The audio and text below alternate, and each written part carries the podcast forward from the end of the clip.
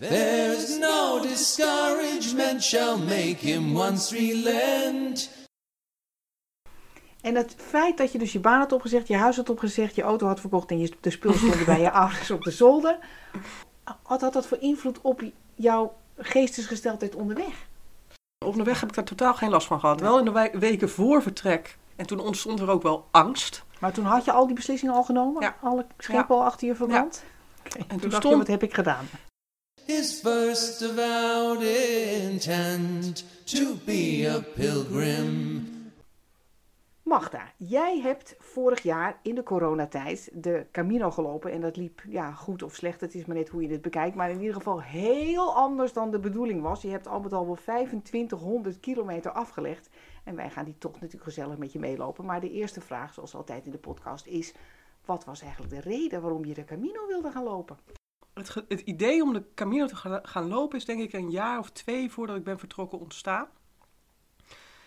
En ik, het moment, het, de, de, de klik dat dat er echt was, dat weet ik niet meer. Maar ik weet wel dat de Camino als dusdanig was ineens in mijn leven. En, Maar ehm, had je iets gezien of gelezen? Nou, ja, dat, dat weet ik dus niet meer precies waarom, wat, wat de echte aanleiding is geweest. Maar ik weet wel dat er op een gegeven moment een fase was waar de Camino, waar ik het overal zag. Ik las een boek ter- waar, waar, waar iemand de Camino ging lopen. Ik liep langs de boekhandel en daar zag ik iets over de Camino. Er kwam een film uit die over de Camino ging. Het was het ene moment na het andere moment dat ik iets zag over de Camino. Mhm. En ehm, ja, en dat heeft, dat is dat, die fase, dat, dat is de trigger geweest om, eh, om dit te gaan doen. En in eerste instantie dacht ik toen, oké, ik neem zes weken vrij van mijn werk en dan ga ik eh, de Camino in, eh, in Spanje lopen. En eh, nou, dat heb ik even laten bezinken. Maar dat gaf me een heel benauwd gevoel Waarom? omdat ehm, de gedachte dat al bekend was wat ik zou gaan doen als ik terug zou komen, Namelijk dat werk weer. gewoon weer gaan werken, ja, dat benauwde me enorm. En toen dacht ik, ja, maar als ik dat gevoel heb, dan moet ik een rigoureuze beslissing nemen en dan moet ik mijn baan opzeggen. Oké. En En, durfde je dat? ja, want het was eigenlijk, kwam dat voort uit een soort van heel duidelijk innerlijk weten dat ik dit heel graag wilde.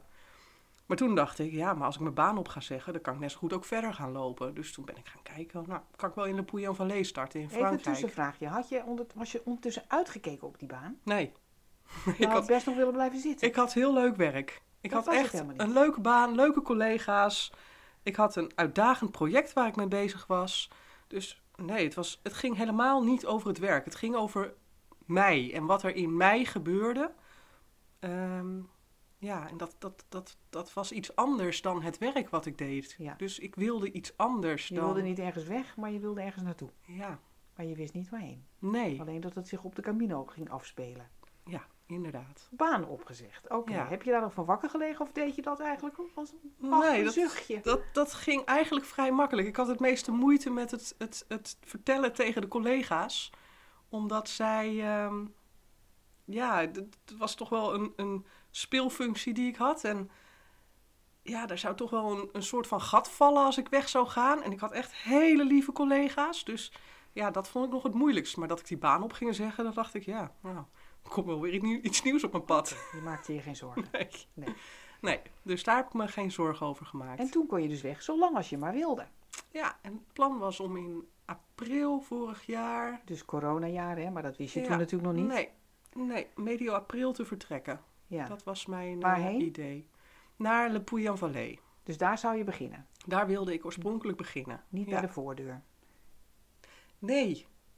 Nee, ik, ik, ik, ik vond de, de beschrijvingen die ik las van, van zeker het stuk Noord-Frankrijk, gewoon saaie vlakte, dat, nou, dat trok me helemaal niet.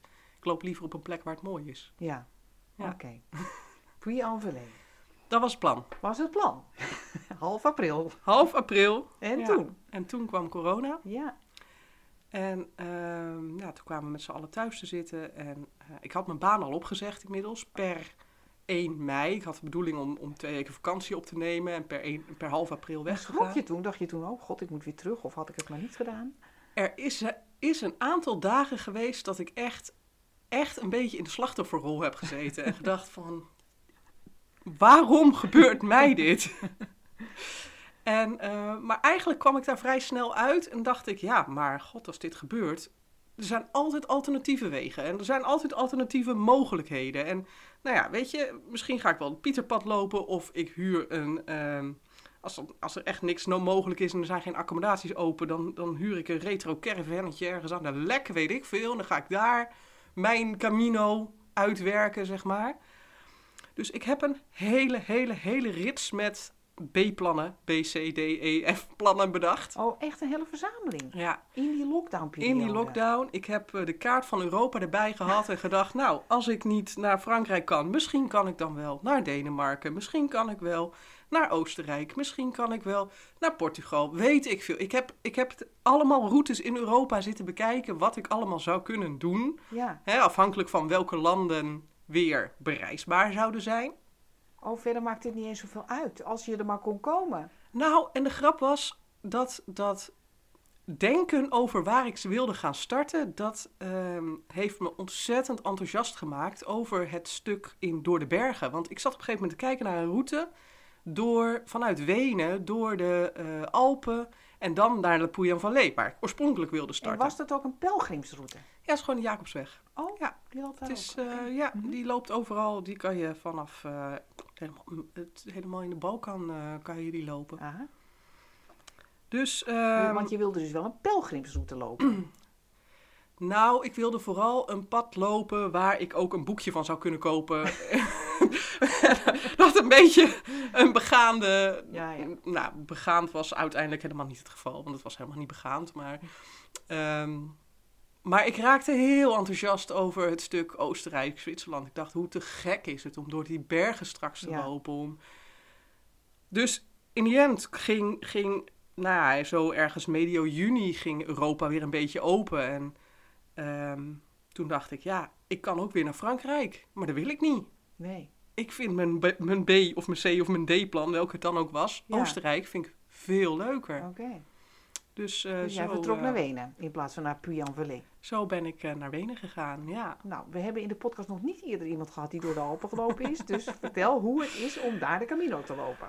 Nou, ik, ik wil beginnen met het. ehm, ik, ik had bedacht om naar Wenen te gaan. En ik dacht ook van: Goh, wat is het nou zo wat me zo aantrekt aan die route? En, en nou ja, toch wel enigszins spiritueel ingesteld. Dus ik trok daar een kaart op. Hè, een, het was een kaart van Osho. Ik weet niet of je dat kent. Het is een, ehm, Nee. nou, die heeft allemaal mooie kaarten die iets zeggen over een bepaalde situatie. En ik trok daar de kaart op en dat, die kaart zei: Het is de bron. En dat vond ik een heel mooie. Dus op de kaart stond de bron. Ja, met een mooi tekstje erbij. En dat was, ik vond het een hele mooie aanwijzing eigenlijk. Alsof het een, een beginpunt was. En dat was het natuurlijk ook, een startpunt. Maar ik vond het heel mooi. Ja. En toen kwam ik in Wenen en ehm, ik was eerst een paar dagen eh acclama- ac- acclimatiseerde ik daar. En ik zat in een Airbnb'tje in een klein plaatsje vlakbij Wenen. En bij die, vlakbij die Airbnb in dat plaatsje was een Lourdesgrot. Een Mariagrot waar, waar ze eh, heilig water hadden. En waar ja, dus ik vond dat zo mooi. Dus ik heb daar eh, mijn, mijn camelback gevuld met water uit de bron. En de eerste dag dat ik ben gaan lopen, ben ik gaan lopen met bronwater. En ik vond het een hele mooie, hele mooie start eigenlijk. Ja? Dus ehm, nou, zo, eh, zo ging ik op weg. En nou, toen ben ik in, in Oostenrijk gaan lopen. En in Oostenrijk heb je geen pelgrimsaccommodaties. Dus Dus je ehm bent aangewezen op hotelletjes langs de weg of zo? meeste gevallen gasthofs, gasthouses. Oh, ja. Dus van die, van die door, voor, door privépersonen Je had geen tent bij je. Nee, ik had heel bewust eigenlijk geen tent meegenomen. Ik dacht, ik vind het ook leuk om de mensen te spreken in van die accommodatietjes. En eh, ja, als je, een tent is heel makkelijk, want dan ben je altijd alleen en je kan altijd je Ja, tent ergens opzetten. Ja. En ehm, dus vooral in gasthuis, gasthofs, dan kon je dan meteen ook eten, neem ik aan. kon ik vaak eten. Waren ja. er ook andere pelgrims? Nee. Nee, was natuurlijk niemand. Nee. Je was de enige pelgrim in de, in de hele Alpen. Ja, de eerste pelgrim, tussen aanhalingstekens, die ik tegenkwam, was een vrouwtje die... eh, ik, in, in Oostenrijk hebben ze best wel wat kloosters waar je kan slapen als pelgrim. Aha, oh, dat wel. Ja, Oostenrijk is heel veel, ze hebben heel veel kloosters, het is heel katholiek. Maar had je dan een boekje met al die kloosters in? Of zag je onderweg, hé, hey, een klooster, weet je wat, laten nee, ik had eh, de rotergids, dus daar staan alle accommodaties en overnachtingsmogelijkheden. Van die hele route die jij liep. Ah, Ja. oké. Dus dat is er dan wel. Geen pelgrims, maar wel een boekje. Ja, en dat is ook gewoon de Jacobsweg. Dus dat, Ja, ja. ja. Maar in één klooster waar ik sliep was een vrouwtje en die eh, was ook de Jacobsweg aan het lopen. Drie dagen. en Ja, toen moest ik eigenlijk een beetje over omgrinniken, want ze, ze zei ook, ja, ik ben ook wa- vroeg, waar ben je begonnen dan? Nou, het is vandaag mijn eerste dag. En waar ga je heen dan? Ja, over twee dagen ga ik weer naar huis. en later, ehm, een paar weken later, kwam ik nog een stel tegen. Die waren in hun vakantie aan het lopen. Die waren drie weken aan het lopen. Maar nee, dat, voordat ik echt pelgrims tegenkwam, dat was eigenlijk pas in Frankrijk. Dus toen was je al een paar weken aan het lopen, neem Toen ik was aan. ik al een hele tijd onderweg. Want toen had ik heel Oostenrijk doorgelopen, heel Zwitserland doorgelopen. Oh, ook nog eventjes. Ja, ja. Ja. En was het veel klimmen en dalen? Nou, ik kwam natuurlijk op een gegeven moment ehm, in, eh, in de Alpen. En ehm, ik liep vanuit Salzburg omhoog richting Tirol. En dat is gestaag stijgen. Is niet heel, heel steil, maar dat het gaat veel door rivierdalen. Dus dat is dan gestaag omhoog. Ehm, over de Albergpas in, eh, in Tirol. En dan vooral in Zwitserland was het, het stijgen en dalen. Daar was het extreem. Nou is vergeleken bij bijvoorbeeld Frankrijk, Oostenrijk ook al heel veel stijgen en dalen. Maar vergeleken bij Zwitserland was dat nog helemaal, helemaal niks. was peanuts. Maar ehm, Zwitserland, daar liep ik veel over ehm, eh, langs, eh, langs de oever van ehm, eh, meren. Je hebt natuurlijk Ja. al die meren in Zwitserland. Ja, en die route, route gaat helemaal langs de meren. Ja, en dan denk je, dat is plat. Ja. Is niet zo. Nee, dat Oh. zijn bergmeren. Dus die gaan, dat zijn van die meren die, die stijl met de berg naar beneden lopen. En daar ontstaat dan tussen de bergen ontstaat een meer. Dus die oever is steil omhoog. Oh. Dus er is geen enkel plat stukje. Werkelijk langs de meren was het meer klimmen en harder werken dan nou, waar dan ook. Maar wat er dan tegenover staat is, is het uitzicht. Het is, en de omgeving is fenomenaal. Is echt wonderschoon. Ik heb daar nou, op menige plek met, met kippenvel op mijn rug eh, en op mijn armen gestaan. Omdat het zo, zo ontzettend mooi is. En dat het zo'n cadeautje is om daar te mogen lopen. Mhm. En kwam je daar andere pelgrims tegen? Nee, al- Zwitserland ook nee, niet. ook, of, of trekkers in het algemeen? Nee, Oh, je eigenlijk. liep eigenlijk een beetje in je eentje. Ja. Had het met de corona te maken, denk je? Of is het gewoon sowieso heel rustig? Beide. Hm. Dus door, door corona was het nog rustiger, maar die routes worden, hè, als ik de, de mensen mag eh, geloven bij wie ik sliep, die ro- routes worden al niet heel veel belopen. Eh, omdat ze zo zwaar zijn. En... Ja, zwaar, relatief onbekend. En zeker in Oostenrijk. Ik heb daar paden gehad waar ik werkelijk. ehm, ik had mijn wandelstokken toen nog niet, die heb ik pas later gekocht. Maar ik heb werkelijk met mijn armen de. de, de, de, De en voeten naar beneden. nee, echt alle takken en, en, en, en, eh, en, en grassen en weet ik veel weg moeten halen, omdat het zo Oh. onbegaan was. Oh, Werkelijk paden dat ik dacht, loop ik hier goed? Maar ja, dan was het er toch echt goed. geen pad meer te zien bijna. Nee, gewoon, moest zelf plat, ik moest er zelf een pad van maken. Ja, ja, Op sommige stukken, ja. En dat is wel eigenlijk heel erg leuk. ja. En wat gebeurde er ondertussen met jou in deze omgeving? Ja, dit... eh, heel... Nou, enerzijds heel veel, anderzijds was het ook heel relaxed. Ik was ehm, zeker in Oostenrijk... In die beginfase had ik... ehm, ik, ik merkte heel vaak onderweg dat ik aan het zingen was. Dan was ik Mhm. zo relaxed en in mijn eentje en in een mooie omgeving. Nou, was ik aan het zingen. Ehm, ik heb momenten gehad dat, ik, eh, dat er een vlinder voorbij vloog. En dat ik hele gesprekken had met, met de vlinder. En dat ik ook antwoord kreeg van, van de vlinder. En, en ja, dat antwoord komt ergens uit mezelf. Maar toch, het komt uit mezelf. Dus het is waarheid. Het is in die zin waarheid. Dus het waren hele mooie gesprekken die ik had met de natuur. Op heel veel momenten. En ehm, ja, het was, in die periode was het nog redelijk rustig met mij en in mij. Ik vond het heerlijk om alleen te zijn en ik genoot met volle teugen van de natuur. Pas later in ehm, Frankrijk kwamen er echt veel meer innerlijke processen op gang. Hoewel ik ook bijvoorbeeld in Oostenrijk op een gegeven moment in de stad kwam en me besefte dat ik ehm, het echt helemaal. Dat ik, dat ik echt heel erg uitkeek van: oh, ik kom bijna in Innsbruck, grote stad, is leuk, is gaaf. Dan kom ik die stad in en dan voel ik me zo niet thuis. Dan denk ik: wanneer mag ik weer weg? Ja, ja, ja. Dus ik. En kan je verklaren waar dat ook kwam? ehm, ik denk dat er, er heeft bij mij altijd wel een ehm, beeld geleefd dat de grote stad leuk is. Leuk Mhm. moet zijn tussen aanhalingstekens. Want Ja. citytrippen is gaaf en de steden zijn gaaf. En, en ik denk dat ik me al die, ja, dat ik me heel lang heb ehm, in dat maatschappelijke beeld heb proberen te drukken, mezelf. En dat ik me nu besefte, ja, maar ik vind de stad helemaal niet leuk. En zeker als ik nu uit de natuur kom, dan wil ik helemaal niet in die grote stad zijn. En ja, dan was ik ook weer blij dat ik, eh, dat ik mijn rugzak op kon doen en de stad weer uit kon lopen. Ja. dus ehm, hoewel het wel een groot verschil maakte in de stad of ik mijn rugzak op had of niet. Dat was wel. Dat, oh, dat, leg dat, dat eens uit. ja, dat is echt heel. Daar heb ik nog over zitten, best wel lang over zitten nadenken. Dat als ik met mijn rugzak oploop door de stad, dan geeft me dat een soort veiligheid. Alsof ik mijn huisje bij me heb. het is een ja. beetje bijna mijn identiteit die ik Ja, bij me heb. mhm. Terwijl als ik dan mijn rugzak in mijn accommodatie heb liggen en ik loop in mijn eentje, wou ik bijna zeggen, maar zonder mijn rugzak de stad in, dan voel ik me bijna verloren in zo'n grote stad. Dan denk ik, ik wil dit helemaal niet. Ik wil hier helemaal niet zijn. Ja, dat is wel een grappige, grappige ontdekking die dat, eh die Had dat jij nou ook het idee, terwijl je daar liep, niet in die stad, maar gewoon dat hele stuk, hè, dat het iets anders was dan gewoon een wandeling? Dat het, hè, het woord pelgrimage bijvoorbeeld, was het nou anders dan gewoon een hele mooie wandeling?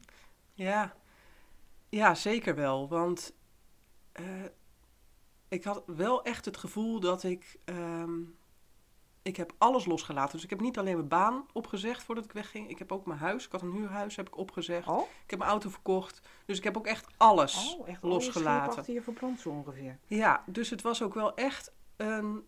Waarom had je dat eigenlijk gedaan? Ja, nou wat ik straks zei, een soort echt dat innerlijke gevoel van ik moet dit doen. En ja, daar ook eigenlijk niet aan getwijfeld. Want als ik dat voel, dan zal het wel goed zijn of zo. Dus ehm, Maar je was wel van plan om weer terug te komen. Of ja, wist je dat ook niet? weet ik niet. Misschien wel niet. Nee, ja, weet je, als ik onderweg een plek tegenkom waar het mooi is, dan oh, dat had eh, ook nog gekund. had dat ook gekund. Ah. Ja, ik, ik, ik heb van tevoren helemaal niks uitgesloten. Dus Je hebt je spullen ergens opgeslagen. Ja, mijn spullen staan op zolder eh, bij mijn ouders. En ehm, ja, ik heb alles achter me gelaten. Dus het was ga de wel... wijde wereld in. Ja, maar het was dus wel voor mij wel degelijk meer dan een, Ja. alleen maar een pelgrimage. En ik begon... En meer dan een wandeling. Ja, ja. En ik begon aan het begin van mijn reis. Dat was heel grappig. Ehm, ik had eh, allemaal boeken op mijn telefoon gezet. Want ik dacht, ik ga geen boeken mee sjouwen. Dus ik had allemaal e-books op mijn telefoon staan. En het eerste boek wat ik ging lezen was eh, De Alchemist van Paulo Coelho. Ja.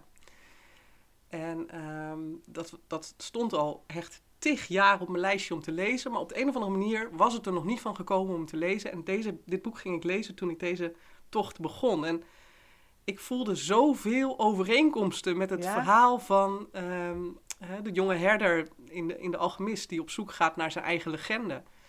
En mezelf, dat, ik, dat was op een gegeven moment bijna kippenvel. En toen kwam ik onderweg ook nog op een bepaald stuk van de route in Oostenrijk stonden overal borden met quotes van Paulo Coelho, Aha. terwijl ik dat boek aan het lezen was.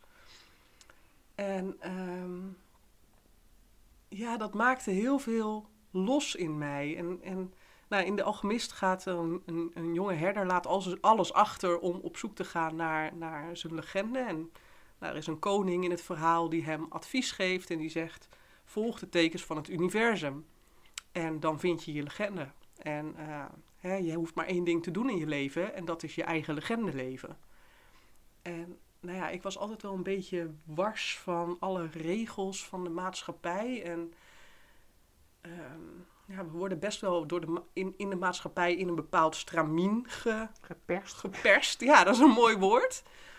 En het is soms best moeilijk om daaruit te stappen. En ik had wel heel duidelijk het besef: dit is mijn reis. En dit is ook een reis die ik niet met iemand anders kan doen. Dit is mijn tocht. En mensen vragen dan, ben je dan op zoek naar iets?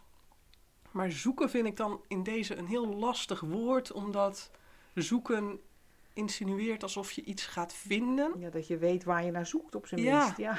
En dat was het voor mij helemaal niet. Voor mij is het veel meer een, een, een fase van mijn leven waarin ik open ben, ehm, waarin ik nieuwsgierig ben. En nou ja, het juiste woord misschien wel daarbij is ontvankelijk Aha. voor wat er gaat komen. Aha. Whatever that may be. Want dat weet ik niet. En het feit dat je dus je baan had opgezegd, je huis had opgezegd, je auto had verkocht en je, de spullen stonden bij je ouders op de zolder.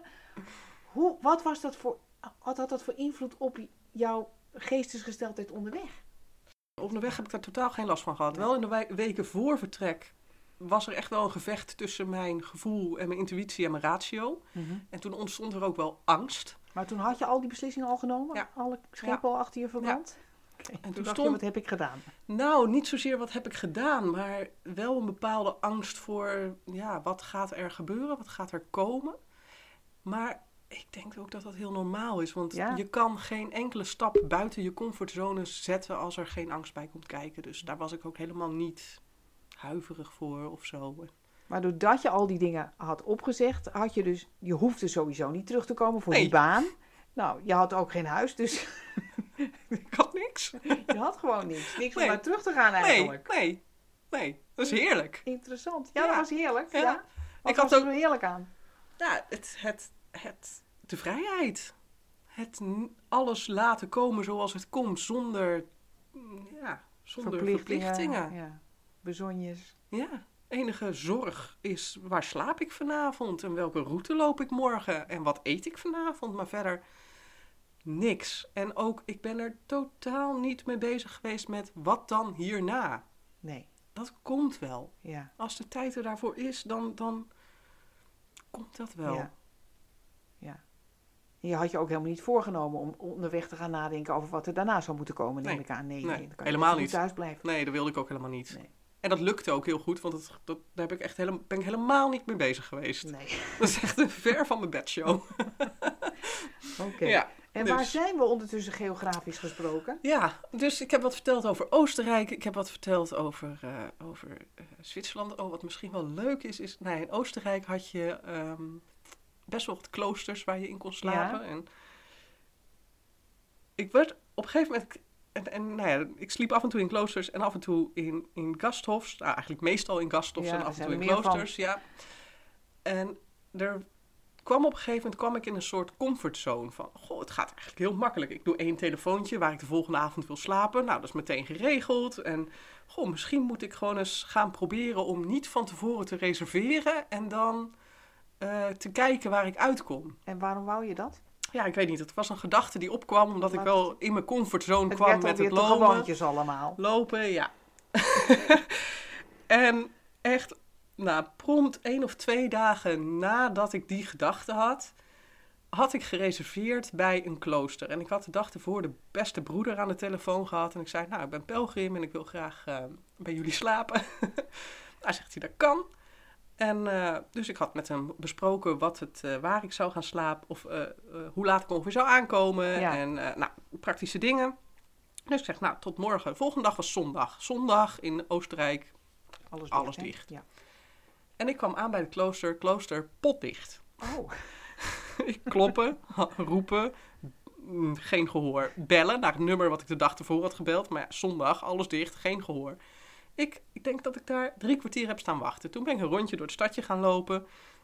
ehm, om te kijken of er nog meer was. Alle gasthofs, roertaak, alles dicht. oh ja. Dus eh, ik weer terug naar het klooster, nog een keer proberen, niks. Hoe was Dus- je er ondertussen aan toe? Ik was ontzettend moe. Ik baalde. Ik had al op, op, ehm, op eh, booking.com zitten kijken van kan ik ergens, is er iets hier in de buurt? Ik had zitten googelen naar gasthofs. Ik had al verschillende telefoonnummers gebeld van gasthofs. Van ja, misschien staat er roertak, maar kun, kan er wel iemand overnachten, weet ik veel. Nou, helemaal niks. En Ik je had- was gewoon op, het, op de afgesproken tijd bij dat klooster verschenen. Ja, Was het goede klooster? Het was het goede klooster. En ik had op een gegeven moment een hotel gevonden wat veel te duur was. Maar ik dacht, ja, weet je, ik moet toch ergens slapen. Dus ehm, eh, dan, dan doe ik dat maar. En ik liep naar, ik had het hotel gebeld. En die zei, ja, dat kan. En ik liep daar naartoe en onderweg kom ik een broeder tegen. Oh, in een habijt. In een habijt. Dus ik loop naar die broeder toe. Ik zeg, bent u van dit klooster hier? ja, zegt hij. Ik zeg, nou, zo en zo is het geval. Ik ben pelgrim. Ik heb gisteren je, je, de andere, of jou of een andere broeder aan de telefoon gehad. En ik zou bij jullie slapen. Nee, gisteren kan je geen broeder aan de telefoon hebben gehad. Die waren er allemaal niet. Ik zeg, ja, maar ik heb toch echt iemand aan de telefoon gehad. En hij zou een bed voor me klaarmaken. Hij zegt hij, maar, maar hoe laat heb je gebeld dan? Ik zeg, ja, zo laat. Hij zegt, ja, dat kan gewoon niet. Ik zeg, oké, alles goed en wel. Als jij zegt dat het niet kan, uh, zwa. Maar kan ik wel bij jullie slapen? Nee, dat kan niet. Nou, en na alle vriendelijkheid van de kloosters die ik daarvoor had gehad, was ik echt zo met stomheid geslagen. Ik was, nou, het, Maar de broeder vertrok geen spier? nee. Het was hilarisch, hij, achteraf. Op dat moment vond ik het helemaal niet leuk. Maar Nee. ja, en dan, dan lees je overal, ja, je bent welkom in kloosters en, en dat kan, daar kan je altijd slapen. Nou, dat was het levende bewijs. Mooi niet. Dus dat was echt een... Hij ik stuurde je gewoon weg. hij stuurde me gewoon weg. Dat is echt hilarisch. Schandalig. Later kwam ik in Zwitserland in een klooster, ook een leuk kloosterverhaal. Daar, eh, er was een klooster die was niet meer in werking. Die was alleen nog open voor ehm, nou, pelgrims, mensen die om een bepaalde reden een nachtje of een paar Ja, ja. nachtjes in een klooster wilden Ja. slapen.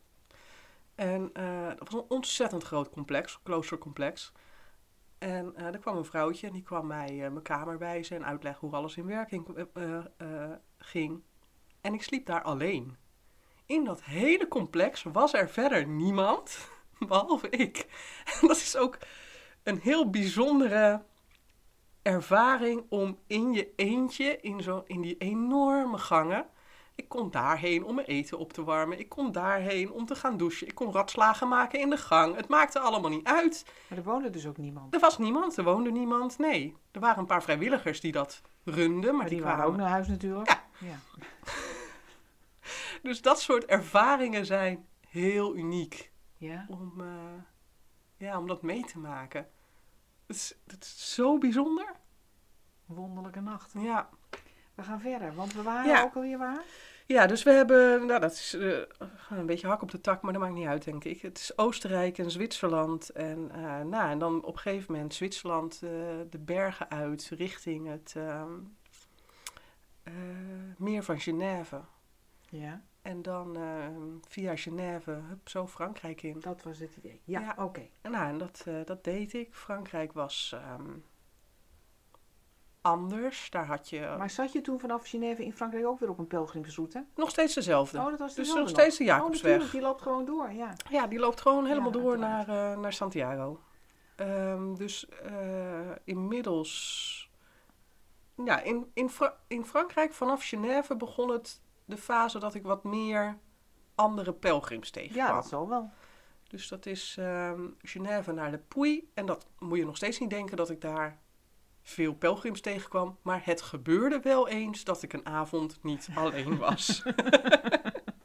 het, was het was voor Camino-begrip helemaal niet druk. Maar voor mij was het een wereld van verschil ten opzichte van wat ik daarvoor gewend was. En ik moest eraan wennen. En ik, ik, ik was vooral heel erg Want we even, wat, hoe lang was je toen al onderweg?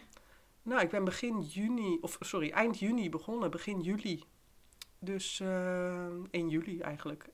Dus, dus ik was eh, juli, augustus, eh, september, bijna drie maanden Oh, je was al drie Tweeënhalve- maanden alleen op weg tweeënhalve geweest. maand. Ja, dat is natuurlijk ook wel lang, ja. Tweeënhalve maand.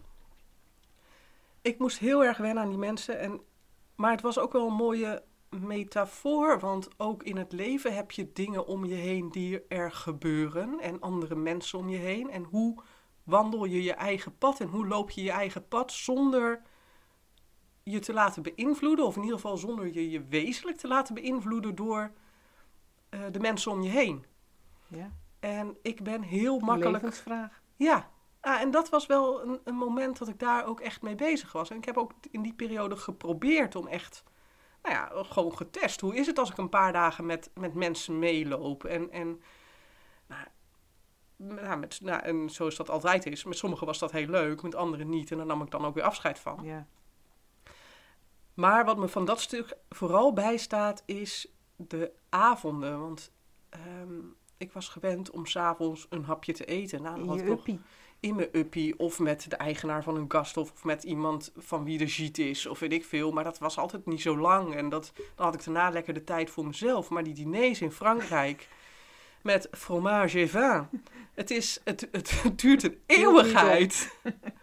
dus je, je gaat om zeven uur aan tafel en nou, dat was voor, ja, in Frankrijk voor mij al, was dat al laat. Want in Oostenrijk en Zwitserland was ik gewend veel vroeger te eten. Maar goed, dat tot, tot daar aan toe. En dan zat, je zo, zat ik zo tot negen uur met, met, met vier gangen aan tafel. En dan dacht ik, wat doe ik hier? Dat vond je helemaal niet interessant. Nou, dat kwam misschien doordat ik liep in coronatijd en de meeste mensen die daar liepen waren Fransen. Doordat het corona was, waren er heel weinig Ja, wel, buitenlanders. ja. Ja. En mijn Frans is gewoon niet goed genoeg om gesprekken die aan een grote tafel niet plaatsvinden om die te volgen. Ja, ja. Dus ik voelde me daar echt gewoon totaal Ja. niet thuis aan die tafels. Ik dacht echt, Dat was vooral de taalbarrière. doe ik hier? Ja, en als er dan mensen waren die wel Engels spraken, dan... Ja, bij die diners kwamen de gesprekjes vaak niet verder van... Goh, waar ben jij begonnen? Oh, ik ben in Wenen begonnen. Echt? Ja, ja. En waar ga je heen dan? Ja, naar Santiago of misschien wel verder. Echt? Nou, en dan dat was was het dan. Ja, dus die avonden, daar gebeurde niet zoveel. Nee. De ontmoetingen die ik had waren meer dan toch wel overdag. Met mensen waar ik eh, een stukje mee Maar opliep. het waren En- dus niet allemaal Fransen overdag. Ja, wel, maar Oh, mensen die... Die ene Fransman die dan, geen, die dan wel Engels praat. Ja, Ja, ja, daar bleef je dan. eh, daar Beetje bleef ik dan eh, even mee hangen. Maar op zich vond ik het ook wel weer heerlijk om alleen te lopen. Dus ik wilde ook niet te lang met mensen oplopen. en in welke Ja. maand zitten we ondertussen? Ja, dus ik was in september, ergens... eh, tweede week september denk en, ik, en kwam ik in de lockdown meer? Nee, ik heb een tijdje niet, hè? Nee, ik heb in de, in de, sinds ik in juli ben gestart tot september heb ik eigenlijk helemaal geen last gehad van corona. Het was rustiger dan anders. Het was, Het was gek, rustiger. maar er waren geen beperkingen. Nee hoor, Nee. nee. ik ging met een mondkapje de supermarkt in, maar dat, dat was alles. En op een gegeven moment werd het in Frankrijk wel, tweede helft september, misschien al oktober, wer- kwamen er in Frankrijk wel meer regels. Daar had je op een gegeven moment ook plaatsen waar je met een mondkapje door de stad zelf moest lopen, zeg maar, in plaats, dus buiten. Mhm. Maar ja, zodra ik dan de plaats uit was, ging het mondkapje mondkapje af. En, en, en zeker in de jeets merkte ik daar heel weinig van. Ja. En, ehm, nou ja, en, en vanaf eh Le Puy Vallée, de dag dat ik... Ik had eigenlijk alleen maar, dat is misschien ook nog wel een... Dus, ja, dat is een leuk verhaal. Tot aan Le Puy Vallée heb ik eigenlijk alleen maar mooi weer gehad. Dus 2,5 maand, juli, augustus, half september. Ik heb alleen maar mooi weer gehad. Een halve dag dat het keer heeft geregend. Maar dat is echt de moeite niet waard. En eh, de dag dat ik naar Le Puy Vallée liep, begon het te regenen. En ehm, ik weet nog dat de eerste keer dat ik de, de Python met eh, de kerk erop in de Puyan Vallée, ik weet niet of je dat, dat beeld Ja. kent. Zo'n hele markante heuvel in, eh, in de stad waar een, eh, een, een kerkje op staat. Of een, nou ja, die zag ik voor het eerst van nog kilometers afstand. En dat was het enige moment op de dag dat de zon een beetje doorkwam. Dus het Kijk. leek alsof die, dat kerkje omlijst was met een soort gouden gloed. Oké. En alsof ik heel, ja, het voelde heel welkom op de een of andere manier, heel bijzonder. Bijna magisch. En dat, maar dat was wel de, de, de dag die eh, de periode van een week of drie regen inluidde. Aha.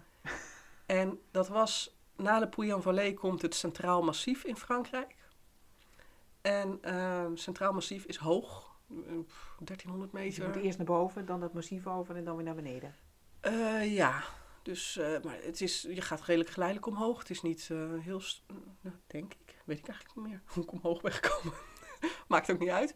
Maar Centraal Massief is desolaat. Het is hoog, het is, eh, de wind heeft alle ruimte. Er staat een halve boom en, en er lopen veel koeien en, en schapen, maar het is vooral desolaat. En- En hoe groot is dat stuk of hoe, hoeveel dagen lopen? Poeh, een dag of, eh, weet ik niet, een dag of tien denk ik. Ja, ja, best een eind. Ja, dat is best een stuk. Dus dat is er ruig was en moeilijk, ruig. zwaar. En ik had heel slecht weer. En ik weet dat ik op een gegeven moment eh, naar het plaatsje Aumont au Brac liep. En, en de weg daar naartoe, s ochtends ging ik weg. Het was een tocht van maar 17 kilometer. Ik liep met een andere jongen. En we zeiden, we kunnen dit. Er waren nog een paar andere pelgrims in die, in die fase. En nou, we doen het gewoon. En ehm, s ochtends, het was wind, harde wind en het regende. En in de loop van de ochtend begon het te hagelen. Daarna begon het te sneeuwen. En er is geen enkele beschutting op die hoogvlakte. Die wind is ijzig koud. En nou, ik dacht op een gegeven moment, wat doe ik hier? Ja, maar je kon geen kant op. Ik kon geen kant op. Nee, totdat op een gegeven moment halverwege een heel klein gehuchtje was met een, een restaurantje. En er stond een open haard aan. En eh, nou, de jongen met wie ik een stukje opliep, eh, die zei, eh, gaan we naar binnen? Ik zeg, nee. Geen haar op mijn hoofd die eraan denkt. Want het, de gedachte alleen dat je dan je natte schoenen uitdoet, je poncho uitdoet, je, al je natte kleren. Mijn schoenen waren tot op de draad doorweekt, dus ik liep te soppen in mijn schoenen. Dat je, de gedachte dat ik daarna weer mijn schoenen aan moest doen en mijn poncho aan moest doen. Dat Ik is denk, onverdraaglijk. nee, dat ga ik niet doen. Je dacht, als ik hier naar binnen ga, ga ik nooit meer weg. Ja, ik denk als ik ergens nu naar binnen ga, dan wil ik blijven. Ja. Dus ik zei, eh, we gaan door. En ik had op een gegeven moment ergens al een keer op mijn telefoon gekeken om te kijken hoeveel kilometer ik had gelopen. Ik denk, nou, volgens mij heb ik inmiddels wel een kilometer of tien gelopen. Nou, toen had ik zes en een half gelopen. Ik weet het nog een donders goed. Dat ik echt dacht, nee, ik heb pas zes, ik moet nog tien. Mijn god, hoe ga ik Maar de dacht dag je toen niet, ja, dit is natuurlijk wel het ware pelgrimeren. Nou, ik heb in de, in de dagen daarna, want het bleef regenen, heb ik, eh, ben ik op een gegeven moment wel gaan denken: wil ik dit? Wil ik hier lopen Mhm. in die regen? Ga, doe ik mezelf hier een plezier mee? Nou, ik had op een gegeven moment tijdens een wandeltocht, of bij, tijdens een tocht waar ik aan het lopen was, had ik eh, mezelf drie opties gegeven. Eén is gewoon doorlopen. Twee is ehm, de trein of de bus nemen naar een plek verderop waar het Mhm. beter weer is. Gewoon dit stuk takken weer overslaan. Of drie is een leuk plekje zoeken en wachten tot, eh, tot, tot het voorbij is. Nou, nog Ja. in diezelfde tocht bedacht ik dat wachten niks voor mij is. Want ik, Nee, je liep die ene plek waar het kon ook voorbij. ja, wachten vind ik ook echt niet leuk. Maar dan ik keek ook op de weersvoorspellingen en de komende twee weken was echt geen verbetering. Dus ik dacht, ja, daar ga ik niet op, niet op zitten wachten. En ik had op de kaart gekeken van Europa. Ik denk, waar is het wel mooi weer? Oh. Maar in heel zuidelijk Europa was het slecht weer. Dus het, een stukje verderop gaan, 100 kilometer, dat had geen zin. Nee. Dus dan moest ik echt dik in Spanje om eh, uit het slechte weer te komen. Ik dacht, ja, dat wil ik ook niet. Ik wil niet zo'n stuk over- overslaan. Terug naar huis gaan was niet eens een van de opties. Je had Dat- geen huis. Ha- nou, ik had geen huis, plus het was geen, geen optie die ik mezelf had gegeven. Ik heb er überhaupt niet eens over nagedacht. Iemand vroeg dat achteraf. Was terug naar huis gaan geen optie? Nee. dus ehm, toen bleef optie 1 ehm, eh, over en dat was gewoon doorgaan. Ja, ja doorheen. ik heb daar heel veel van geleerd. Want ehm, ik kwam op een gegeven moment, nou ja, eigenlijk vlak daarna kwam ik op een, een stuk waar de ondergrond geen zand meer was, maar klei. Ja. De grond was zo verzadigd dat het water op het klei le- le- bleef liggen. Dus En- glibberig. Werkelijk, het is zo glad als ijs. Ik heb één tocht gehad die En grotendeels... moest je toen ook nog klimmen en dalen? Ja, Oh. ik heb één tocht gehad die eigenlijk helemaal over die gladde klei-ondergrond ging. En dat ik afdaalde en mijn wandelstok voor me in de grond heb geprikt. Met mijn voet er naartoe gegleden. Wa- volgende wandelstok in de grond prikken. Met de voeten naartoe glijden. Eh, onvermijdelijk toch vallen, weer opstaan. Ehm, op een later moment die dag weer vallen. En toen...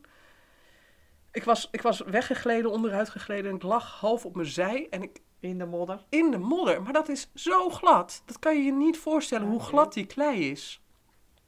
En dan, ik lag daar, ik, ik voelde me een schildpad. Ik lag op mijn rug. Want ik heb die, die, die rugzak op mijn rug. En ik lag daar, nou, half op mijn zij. Geen enkele grip om overeind te komen. Hoe kom ik weer overeind? Ik lag Glij je naar beneden. Ja, maar het was niet, niet, niet stijl genoeg om naar beneden te Oh. glijden. Dus het was redelijk vlak Oh, je daar. kon jezelf niet meer overeind krijgen. Nou, ik vond op een gegeven moment een stok die ik achter mijn voet, die lag binnen handbereik, een stok die ik onder mijn voet kon duwen en, en met mijn wandelstokken in de grond gezet en mezelf overeind ge... Nou, en nu kan ik er ook om lachen, maar op dat moment echt, Nee. ik, de tranen stroomden over mijn wangen en ik kreeg allerlei beelden. Dat was wel echt een fase dat ik heel erg naar binnen ging, want die regen zorgt ervoor dat je, de omgeving is niet Ja, mooi meer, je want het regent. hè. ja, je wil niet nat worden, dus je gaat alles voor je ogen doen en je Ja, dus, dus letterlijk qua kleding Ja. sluit ik me af. Maar ik ging ook echt helemaal naar binnen in die fase. Ik heb heel veel door, doorleefd in die fase. Ik, dat moment dat ik, dat ik daar op de grond lag en dat de grond onder mijn voeten weggleed. Nou, inderdaad. Het bracht me echt terug naar tijden in mijn jeugd. Dat ik gewoon het zo moeilijk had. Dat ik ook geen stabiele grond. En dat ik dacht, oh, dit is echt gewoon een fase die ik do- moet doormaken om dingen te verwerken of te, te, te doorleven. En ja, dus En ondanks... kon je het makkelijker aanvaarden. Nou, dat, ja, dat, ik weet niet of het makkelijker aanvaarden is of het was in ieder geval doorleven. Mhm. En een, een heel erg naar binnen gaan. En alsof of de regen ook een soort Ah. zeg maar. En, en ik, zag, ik las toen ook in die periode een mooie quote. En nou, ik kan hem nu niet zo opdreunen, maar dat gaat in ieder geval over... eh, je moet... Je kan voor dingen weglopen, maar juist als je het doormaakt, dan... eh, eh, Gebeurt er wat. ja, dan gebeurt er wat. En, en een bloem moet ook eerst door, of een zaadje moet ook eerst door een harde ondergrond Mhm. om een bloem te kunnen worden, heeft water nodig. Toen dacht ik, nou, als ik het op die manier er eh, bekijk, dan, eh, ja, dan is dat ook wel zo. En het voelde ook wel als een fase die ik door moest maken in mijn reis of zo. En hoe lang heeft die fase al, de natte fase Ja, een week of geduurd? drie. Drie weken achter Ja. elkaar. Ja, Ja. ja. Maar werd het makkelijker naarmate het langer duurde? Of bleef het gewoon één grote ellende? Mm, Ja, sommige dagen was het makkelijker, andere dagen was het ellende. Maar ja, ik was blij. Ik, ben, ik was dolblij toen de zon weer ging schijnen. Ik heb Ja. echt de zonnestralen op mijn gezicht heb ik echt aanbeden. Het was zo fijn. En eh, ja, dan komt ook aan alles een eind. Ook aan zo- aan zo'n lastige tijd in de... Ja, even een praktisch vraagje. Hoe kreeg je die natte kleren in vredesnaam droog? Voor de volgende dag wilde je toch niet weer natte Ja. kleren aantrekken? Nee, maar mm, mijn kleren waren doorgaans niet zo heel nat. Omdat ik wel een hele goede poncho heb. Oh, dat viel me mee. En ja, schoenen, schoenen Het was waren... meer dat je bijna niet vooruit kwam. ja, schoenen waren nat. Dus Ja, ja, dat is ook heel vervelend. en ik had op een gegeven moment wel de proppen papier in mijn tas. Ja. En op de meeste plekken was er wel iets van een verwarming waar, je, waar ik de schoenen Ja. voor kon zetten. En, nou, zo ging het wel.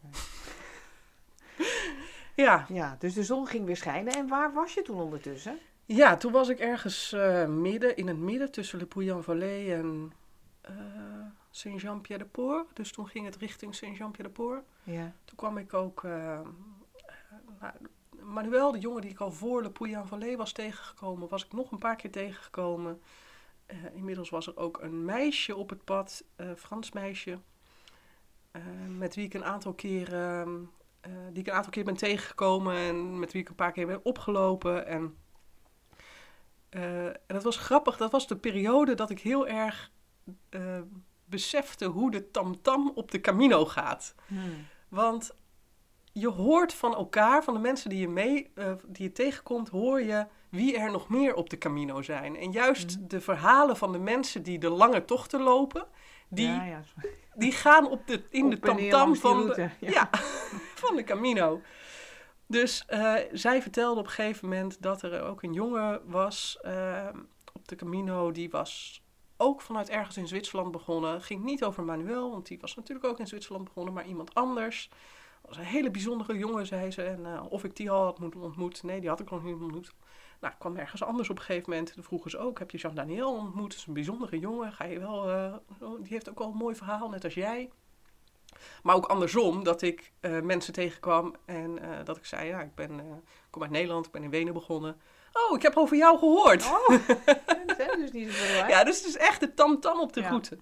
Maar over die ene bewuste jongen, Jean-Daniel, daar had ik inmiddels echt al een aantal keren over gehoord. Al best wel vaak. Maar ik had hem nog nooit gezien. Dus het was een soort van spook op de Camino. Hij was er wel, maar hij was er ook nog niet, want ik had hem nog nooit gezien. En waarom werd er over die Jean Daniel gesproken? ja, dus eh, een jongen die was, een man, was in Zwitserland eh, begonnen. Eh, had ook niks, behalve zijn rugtas en zijn tent. Eh, had niks in Zwitserland. Alles eh, woonde in een, in een yurt in Zwitserland. Dus had ook niks. En leefde bijna. die alles had opge- opgegeven, Ja. net als jij eigenlijk. Ja. ja. Ehm, en op een gegeven moment. er ontstond. Met de mensen die ik was tegengekomen. ontstond een groepje. Met Manuel en met Celia. En, en nou, nog iemand erbij. En nou, op een gegeven moment stonden we met een paar bij elkaar. En ehm, die zeiden van. Ah, we gaan straks lunchen. daar en daar op die plek. En daar is Jean Daniel ook. Ik zeg, nou, dan kom ik ook langs. Want nou ben ik wel benieuwd. Ja. En we gingen lunchen en we waren met z'n vijven. En dat groepje is bij een beetje, min of meer bij elkaar gebleven tot uh, Saint-Jean-Pierre-de-Port met z'n vijven. En nou, wat overigens wel heel grappig was, dat, dat ik uh, uh, Jean Daniel zag zitten en, en zei: Ik, eindelijk ontmoet ik het spook van de Camino. En hij het precies hetzelfde had. Hij zegt: Ik heb al zoveel over Ja, jou ja. gehoord. nu maar over, uit je eigen mond horen. En dat was een heel grappig groepje. Het was eh, drie mensen die kampeerden. En Manuel die eh, sliep meestal in Giets, maar die stond op het punt om ook een tent te gaan kopen. Nou, ze waren mij met volle overtuiging aan het proberen ook een tent te laten kopen om, eh, om met hun mee te gaan naar ehm, eh, kamperen. Ja. En, maar ik wist dat ik, we zijn bijna in Spanje en in Spanje is er kamperen. Nee. Nee. Dus ik dacht, ja, dat schiet niet op. En, maar goed, ik kwam ze wel, zij kampeerden dus en ik kwam ze wel steeds weer tegen of we spraken af op bepaalde momenten. En, nou ja, en toen, een dag of drie voor Saint-Jean-Pierre-de-Port, toen kwam het bericht dat. eh, toen ging, wa- wa- was er steeds meer te doen rondom corona weer. Werd natuurlijk ja. najaar, was eind oktober. Oh ja. Half De tweede oktober. golf. Tweede golf. Toen kwam het bericht dat eh, Navarra, dat is de provincie in Spanje direct na de Pyreneeën, dat Navarra in lockdown ging. En dat pelgrims niet meer welkom waren. Gelukkig was je toen niet al in Navarra. Toen was ik nog niet in Spanje, nee. Ik was drie dagen voor Saint-Jean-Pierre-de-Port en ik dacht echt, oké, en nu dan? En eigenlijk was het een kort moment van teleurstelling en daarna volgde enthousiasme van, nou, dan ga ik toch gewoon de andere kant op. Dan loop ik eh, richting eh Arles, eh, Zuidkust Frankrijk, richting Lo- Ja. Rome. Dat kon nog wel. Ja, het zal mij, zal mij nou ja, het gaat me niet om de bestemming Santiago de Compostela. Het gaat mij om mijn Camino. En nou ja, als, dat richt, dan, als ik dan richting Rome ga, net zo mooi, net zo goed. Dus die keuze gemaakt, kwamen in San- Saint-Jean-Pierre-de-Port en we Maar zaten je daar. had dus ook blijkbaar helemaal geen vragen van hoe kom ik dan aan een route en hoe zit het daar allemaal Ja, op de ik weg. denk nee, je ik red me wel. Ik koop in Saint-Jean-Pierre-de-Port wel een boekje van die route. Ja. Die was nergens te krijgen natuurlijk, dus dat moest ik nog bestellen. in Sa- Saint-Jean-Pierre-de-Port zaten we weer met z'n vijven. En eh, toen zeiden ze van ja, maar nu gaan we niet naar Spanje. Want zij hadden ook bedacht om dan die route te gaan, eh, gaan lopen. Ik had, dat, Arles. ja, Ja. ik had dat in mijn eentje al bedacht. En zij, ik kwam hen later tegen en zij zeiden dat ook van ja, we willen dat gaan doen. Nou, zeggen ze, maar dan moet je wel een tent kopen, want dan kan je gewoon kamperen. Nou, voorspellingen voor november waren nog steeds dat het hartstikke mooi weer zou blijven. Dus ik dacht, nou, ik ga het, ik ga het aan. Dus ja, ik, want dan ben je eh, ook niet meer afhankelijk van hotels die al of niet open zijn. Exact. Dus ik dacht, eh, na Saint-Jean-Pierre-de-Port een dag of vier, vijf lopen, kwamen we in een wat grotere plaats. Daar was een decathlon. Ik dacht, nou, dan ga ik daar wel mijn spullen halen. En Manuel had net allerlei spullen gekocht, dus die was helemaal ingedoken wat ze er allemaal hadden. Die zegt, ik ga met je mee. Dus zo hadden we een groepje en wilden we gaan kamperen. Ja. Juist. Dus wij liepen vanuit Saint-Jean-Pierre-de-Port en eh, waren twee of drie dagen onderweg. En toen kwam het gerucht dat Frankrijk in lockdown zou gaan. Oh. Ja, dat is dan een gerucht, hè? Ja, Dat wat, is een wat doe je gerucht. dan met zo'n gerucht? Ja, en dat gerucht dat, eh, was wel redelijk eh, sterk aan het worden. En ehm, ik zat op een gegeven moment in een gîte na, nou, na drie, vier dagen weg vanuit Saint-Jean-Pierre-de-Port. En s'avonds was per- persconferentie van Macron. Dus ik zat met de eigenaresse van de gîte, eh, zat ik naar die persconferentie te kijken. En dat was op een eh, donderdag. Welke maand zitten we dan?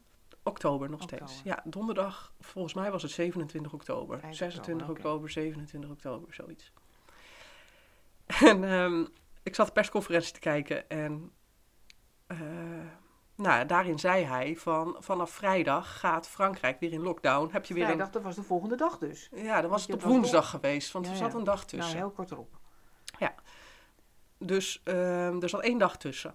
En vanaf dat moment heb je weer een document nodig om over straat te kunnen. Oh, ja, wat je moet printen. Ja. Hè? ja. moet je printen of op je telefoon hebben. Maar in ieder geval, je mag niet zomaar meer Nee, over dus straat. wandelen was afgelopen. Dus ja, wandelen was gewoon Verboden. over. Ja, nou, en we hadden die dag, die dag voor de, voordat de, de persconferentie kwam, hadden we al eens een beetje zitten brainstormen van ja, we kunnen ook met elkaar hier ergens de, de lockdown doorbrengen. En ik was daar een beetje, ik werd er op hoe de lang een... zou dat gaan duren? Ja, dat wisten we niet. Nee. Dus ik was daar, enerzijds eh, vond ik dat een heel leuk idee, anderzijds was ik daar ook wel een beetje sceptisch over. Ik denk, ja, hoe dan? Hoe dan? Hoe gaan we zoiets vinden voor vijf mensen? In de lockdownperiode. Dus die avond eh, van de persconferentie za- zat ik in mijn jeet, in mijn eentje. En dacht ik, ja, hoe je het ook bent of keert. Macron heeft gezegd dat buitenlanders tot zondag de tijd hebben om het land te verlaten. Oh, je moest echt het land uit als buitenland. Nou, dat moest niet, maar anders moest je in mocht je- lockdown. in, moest je in lockdown. Ja. ja. Dus ik dacht, ja, Wegwezen. koekoek, ik koop, een, ik koop een ticket naar Nederland. En dan ga ik vanuit daar wel naar een plek waar ik nog heen kan. Dus ik bedacht, nou, misschien ga ik dan wel naar, eh, weet ik veel, de Azoren of zo. Of, eh, ik zie En je was wel. dus blijkbaar nog niet bereid om gewoon eh, Nee. het avontuur te beëindigen. Nee, er was helemaal geen optie. Nee. Nee. dus ik had mijn ticket gekocht eh, voor die vrijdag naar Amsterdam. En eh, de volgende ochtend hadden we met elkaar afgesproken op het plein voor de kerk van het plaatsje waar we zaten. En dat was vanaf mijn jeet, na een kilometer of vijf lopen denk ik. Maar ik voelde me zo, nou, bijna down. Ik voelde me echt heel teleurgesteld. En de tranen stonden me, stonden me nader dan het huis. lachen. Je wou niet naar huis. En ik zat, of toen, toen zei die vrouw van, zal ik je er anders even heen brengen? Ik zeg, nou, als je dat wilt doen, brengen naar echt... het vliegveld bedoel je? Nee, nee, naar het, eh, naar het eh, plein waar ik had afgesproken met Ja, ja. de anderen. Ik zeg, als je dat zou doen, zou ik heel fijn vinden. En ik zat in de auto en ik had de tranen over mijn wangen biggelen. En zij zat naast me met ook tranen over de wangen, om- omdat ik aan het huilen was. Zaten we daar met z'n tweeën in die auto. En eh, kwamen, ik kwam op het plein en daar eh, kwam ik op een gegeven moment de andere vier tegen. En daar zaten we op het plein, op de grond, want niks was open. Met, een on- met de, de, de kleine, hoe noem je dat? De kleine potjes en het eh gasstelletje om een kopje thee en koffie te maken. En zaten we te Op brainstormen. anderhalve meter afstand. Nee, we, we hadden, we waren al zo vaak, zo lang met elkaar omgegaan. Dat, dat, ja. Maar je mocht dus nog op het dorpsplein een kopje thee maken voor Ja. jezelf ook. hè? Want de, de lockdown was nog niet ingegaan. Oh, Dat was de volgende dag. En brainstormen, wat nu? En ehm, op een gegeven moment zegt Celia... Nou, ik heb in een boekje een leuke, leuke sheet gezien. Het is een donativo en misschien kunnen we daar wel verblijven. Ik zeg, nou ja, probeer maar, bel Hoe maar. ver was dat? Dat was in Lourdes. Dus dat was... ehm, nou, dat was vanaf waar wij zaten, kilometer of twintig. Dus dat was vlakbij. Ja, een dag lopen. Ja. Ja, maar jullie moesten als buitenlanders het land uit. Nou ja, of in lockdown. Oh, of in lockdown. Oh Ja. ja, oké. Je mocht in ieder geval niet meer over straat. Nee. Dus zij belt die, eh, die, die, eh, die eigenares van die sheet en die zegt, ja, weet je, er valt altijd wel iets te regelen. En toen dacht ik, nou, dat, toen, was er, toen kreeg ik echt een soort van stress. Want ik had enerzijds mijn vliegticket naar huis, Ja. veilig, alleen, Ja? ehm, comfortabel. En anderzijds het groepje met wie ik misschien in lockdown zou gaan. Niemand weet voor hoe lang. Niemand weet voor hoe lang. Eh, iemand, een eigenaresse van een jeet, die zegt: Ja, kom maar, dan bespreken we de rest wel. Dus totaal onzeker. En ik ehm, in, in groepen, dat is echt al, mijn, al een heel stuk van mijn leven een enorm vraagstuk. Dus ik, ik mezelf in groepen, dat is wel een thema bij mij. Je grens bepalen. Ja, ik weet niet of het zozeer over grenzen gaat als wel mezelf open durven stellen in Oh, groepen. groepen is- zijn ja. ehm, lastig. Mhm. Dus voor mij, mijn comfortzone is dat vliegticket pakken en naar huis gaan. Ja. Dat is echt het je allermakkelijkste. Nou, dat wou ik eigenlijk heel graag. Oh. Ik, ik echt iedere vezel in mijn lijf zei: pak de trein en ga naar Toulouse om het vliegtuig te pakken. Maar toch was er ergens iets in mij zei, die zei van... Ja, maar dit... Magda, ga dit aan. Doe dit. En het is doodeng, maar doe het. Het is ergens zo'n zo'n stemmetje heel diep weg, weggestopt... Die, die eigenlijk keihard overruled wordt door de ratio die zegt... Ik ga naar huis. Ehm, en ik dacht op een gegeven moment... Weet je, ik luister waag het daarna. erop. Ik doe Ja. het. En toen zijn we naar, de, naar die sheet gegaan. Ik had al op internet gekeken, zag er superleuk uit. Het was een, was een yurt. Dus Ja, zo'n grote zo'n Mongoolse tent. Ja. En, maar ook wel heel basic. Ik dacht, nou, weet je, is het niks? Nou, dan zit ik daar, dan heb ik pech. Dan moet ik de En dan had tijd je daar dus moeten blijven tot de lockdown weer afgelopen zou zijn. en eh, we kwamen daar aan. En nou, die vrouw zegt, ja, weet je, eh, ga maar lekker slapen of ga maar lekker je spullen uitpakken. En morgen praten we wel over hoe en wat. Nou, dat was een prachtige yurt met, eh, nou, een paar, langs de rand stonden bedden. Dat was 35 vierkante meter of zo. We waren met z'n vijven. Buiten was een eco-toilet, buiten was een keukentje. En het toiletgebouwtje met stromend water was op een minuut of uh, vijf lopen, denk ik. En het uitzicht over uh, de Pyreneeën en over Lourdes was waanzinnig, echt magnifiek. En nou, dus die avond vooral enthousiasme over waar we terecht waren gekomen. Volgende dag de onderhandelingen over de huur. de huur. ja, dat was nog best een dingetje. Maar uiteindelijk kwamen we eruit en zat ik uh, in een yurt op een prachtige plek in de Pyreneeën met nog vier andere pelgrims uh, in de lockdown in Frankrijk. En nou, het was bijna voer voor psychologen, want het was echt, uh, het is natuurlijk fantastisch om vijf mensen die elkaar, nou ja, niet heel goed kennen, op elkaar te zetten in 35 vierkante meter. En wat gebeurt er allemaal? Uh, ja, ja, dat gebeurt er allemaal. Ja, dat is wel een. Um, het is een hele mooie tijd geweest. De, we konden. Als je het vanaf buiten bekeek, konden we heel goed met elkaar opschieten. Maar toch waren er spanningen onderling. Er was een relatie tussen twee van de vijf ontstaan. En um, tussen mij en Cilia lag er onderhuids wel spanning. En tussen Jean-Daniel en Tom lag er onderhuids wel spanning.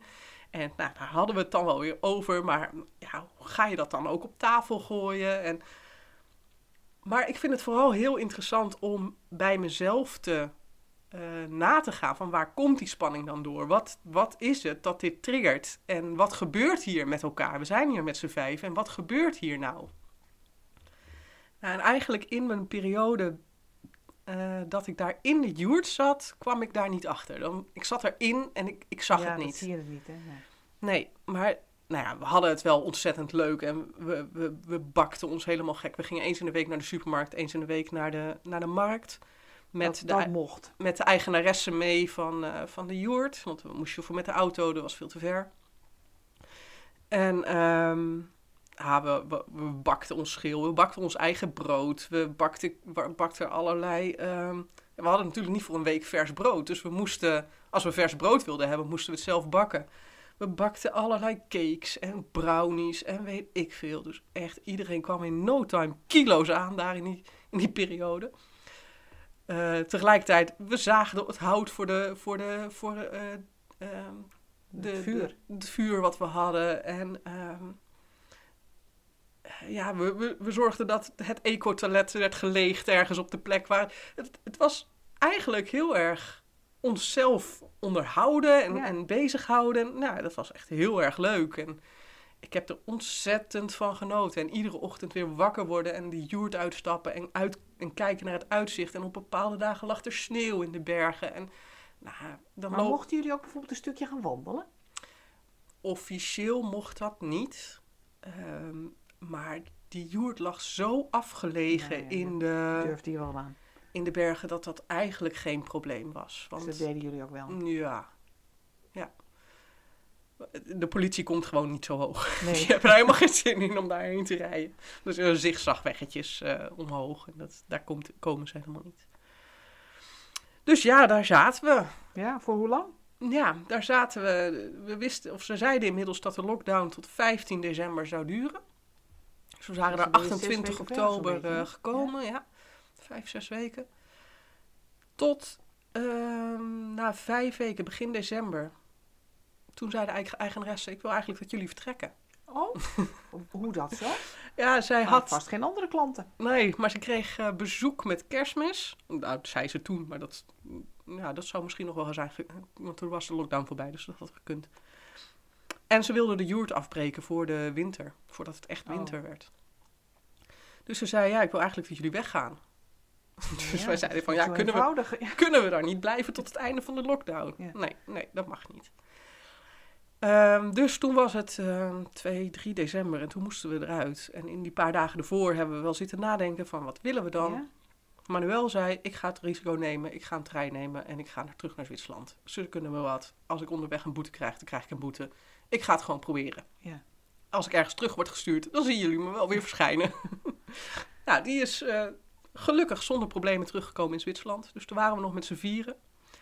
En ehm, Dus toen zaten jullie nog even in- die jord voor de laatste toen paar zaten, dagen. zaten ja. we nog even in de joert. En Tom en Cilia, die hadden inmiddels een, ehm, een eh, hoe noem je dat, een schapenboer leren kennen. En eh, die, hadden, die had gezegd van ja, jullie kunnen wel bij, ons, bij mij slapen als je af en toe een beetje helpt op de boerderij. In het huis, niet in de schapenstal. Mag Nee, ze sliepen ergens boven. Ik weet niet, op een oude zolder of zo, maar wel verwarmd. En, ehm en Jean-Daniel en ik zeiden, ja, ik, ik, tenminste, ik had heel erg het gevoel, ik wil heel graag naar Lourdes. Nu ik daar ben, wil ik daar ook heen.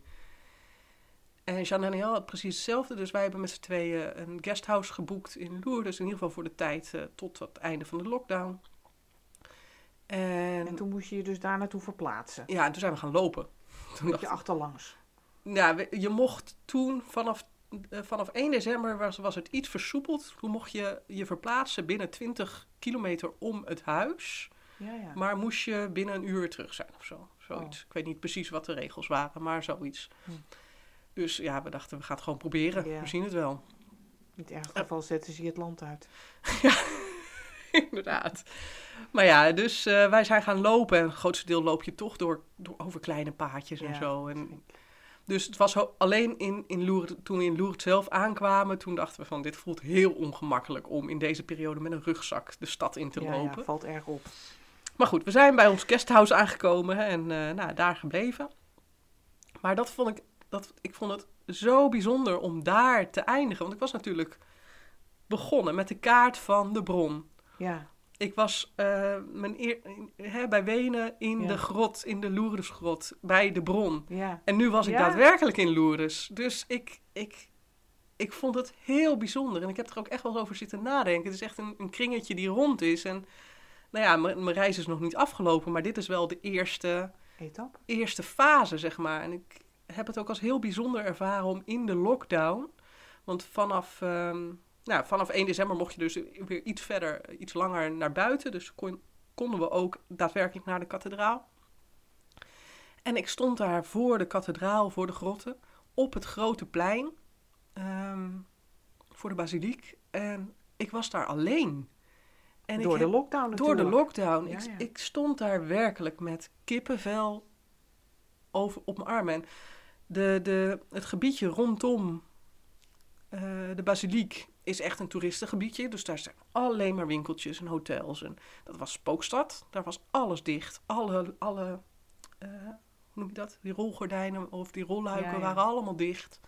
Eh, hotels waren dicht. Het was één spookstad. En de basiliek, het hele plein, er was niemand. En de basiliek, was die open? Die was wel open, ja. En achter de basiliek heb je de grot van Lourdes. En daar zaten de eerste keer dat ik er kwam, ik denk vijf mensen. Want er zijn continu, eh, ehm, eh, mis, eh, daar is continu een misgaande, en allerlei talen. En dat ging gewoon door. Alleen er was niemand. Dus de foto's die je kent van, van de afgeladen plein en dat je net niks ziet, er was niemand. Dus dat was heel surrealistisch. En ehm, ja, ik heb daar natuurlijk, net als aan het, in, de, in de kleine Lourdes-grot in, bij Wenen, heb ik daar mijn, mijn camelback nog voor de vorm gevuld. en eh, had ik opnieuw... eh, ik ben niet Rooms-Katholiek, maar op een bepaalde manier vind ik dit wel heel bijzonder. En, en heb ik wel een... ehm, ja, En toen was de cirkel rond. ja, dat. Maar was het toen ook afgelopen? Nee, toen was 15 december in Frankrijk de lockdown voorbij. Althans, toen mocht je overdag weer zonder papiertje over straat. S'avonds was er nog gewoon een avondklok. Maar toen mocht je wel weer gewoon reizen, zeg Voor maar. bewegingsvrijheid. En toen, nou, daar had ik al even de tijd voor gehad om na te denken van, ja, wat ga ik doen als, eh, als, ehm, Als, de lockdown voorbij Ja. is. Ja, en Dan is het dus half december ondertussen, hè? Ja, mijn oorspronkelijke plan was om door te lopen naar Santiago de Compostela. Dus vanuit eh Sint-Jean-Pied-de-Port, Santiago de Compostela. Dan naar, door te lopen naar Lissabon. En dan in het zuiden van Portugal of zu- zuiden van Spanje te overwinteren. En dan door- door te lopen naar Rome. Maar dat, dat plan om te overwinteren, ja, had ik nog niet verteld hè. Nee. Dat plan om ergens te overwinteren had ik dus wel. Ja. Alleen had ik bedacht om dat ergens in Zuid-Spanje te doen Ja. of zo. En Oh, ik heb ja. zitten kijken naar Airbnb's in, in Lourdes. Ik denk, wil ik hier blijven hangen? Maar dat, eh, ja, dat trok me helemaal. Is koud. Koud en niet gezellig, inderdaad. Dus ik dacht, dat doe ik niet. Dan geef ik mijn geld uit aan eh, nou iets waar ik niet blij van word. Toen dacht ik, weet je, ik ga gewoon voor nu, want ik weet ook niet hoe lang de, lang, lang de lockdown duurt in Europa, in Nee, weet Nederland. niemand. Dus ik ga gewoon voor nu terug naar Nederland. En zodra het kan, ga ik weer op pad. Vlieg ik naar Lissabon, loop ik naar boven naar Santiago. Ga ik de tegengestelde route terug naar Frankrijk en dan de route Maar naar dat wilde je toen doen of was dat een plan Nee, voor dat is- later? Dat is mijn plan voor nu. Oh, oké. Ja, dus dat heb ik eigenlijk tijdens de lockdown eh, bedacht. Dus toen ben ik in Nederland gegaan. Even dat moment dat je weer thuis zit. Ja, nou thuis, ik logeer. Ja, oké, maar goed. En, eh, Hoe was dat? eh, Dan zit je opeens weer... eh, Ja, maar in ik vind het heerlijk. Oh, je vond het eerlijk. oké. Ja, ik vind het heerlijk om nu even hier te zijn. Ik heb alle tijd voor creativiteit. Waar ik eigenlijk nooit tijd voor heb gehad en tijd voor heb genomen. Dus ik schilder en ik, ik, ja, ik geniet ontzettend van eh, ehm, eh, gewoon muziek luisteren. En ik ben bezig met een fotoalbum. En ja, mensen zeggen vaak van de Camino begint pas als, Als je je, thuis bent, als je ja. thuis komt. Maar eh, in mijn gevoel is dat heel erg als je thuis komt in een situatie die niet volledig bij je hart past. Als het echt, als het klopt, dan is het niet erg om thuis te Mhm. komen. En op dit moment, mijn reis is nog niet af en deze tussenfase is heerlijk. Ik kan uitrusten, ik kan eh, de winter doorkomen en ja, wanneer het kan, ga ik weer op pad. En dan ga je dus naar... Ja, ik denk naar Portugal. En mijn laatste idee is om niet in Lissabon te starten, maar in Fatima te starten. Dat is net Mhm. zo'n plek als Lourdes. Dus Ja. ook een, eh, een, ehm, eh, ja, een plek waar Maria ooit verschenen is. Dus eigenlijk om het cirkeltje weer verder, eh, verder te voor, vervolmaken. En dan naar Rome. Oké, dankjewel. Graag gedaan. Who would true valor see? Let him come hither. One here will constant be, come wind, come weather. There's no discouragement shall make him once relent his first avowed intent to be a pilgrim. Whoso beset him round with the dismal stories Wil je meer weten over de Camino? Kijk dan eens op de website van het Nederlands Genootschap van Sint-Jacob, www.santiago.nl. Suggesties voor deze podcast kun je mailen naar mij, post.johannakroon.nl. En als je deze podcast interessant vindt voor je vrienden, zou je er dan op Facebook een berichtje aan willen wijden. Het lied dat je hoort is een Engels pelgrimslied uit 1684, getiteld Who Would True Valor See, gezongen door Alistair Thompson op zijn CD Log Rise Revisited. Tot de volgende keer.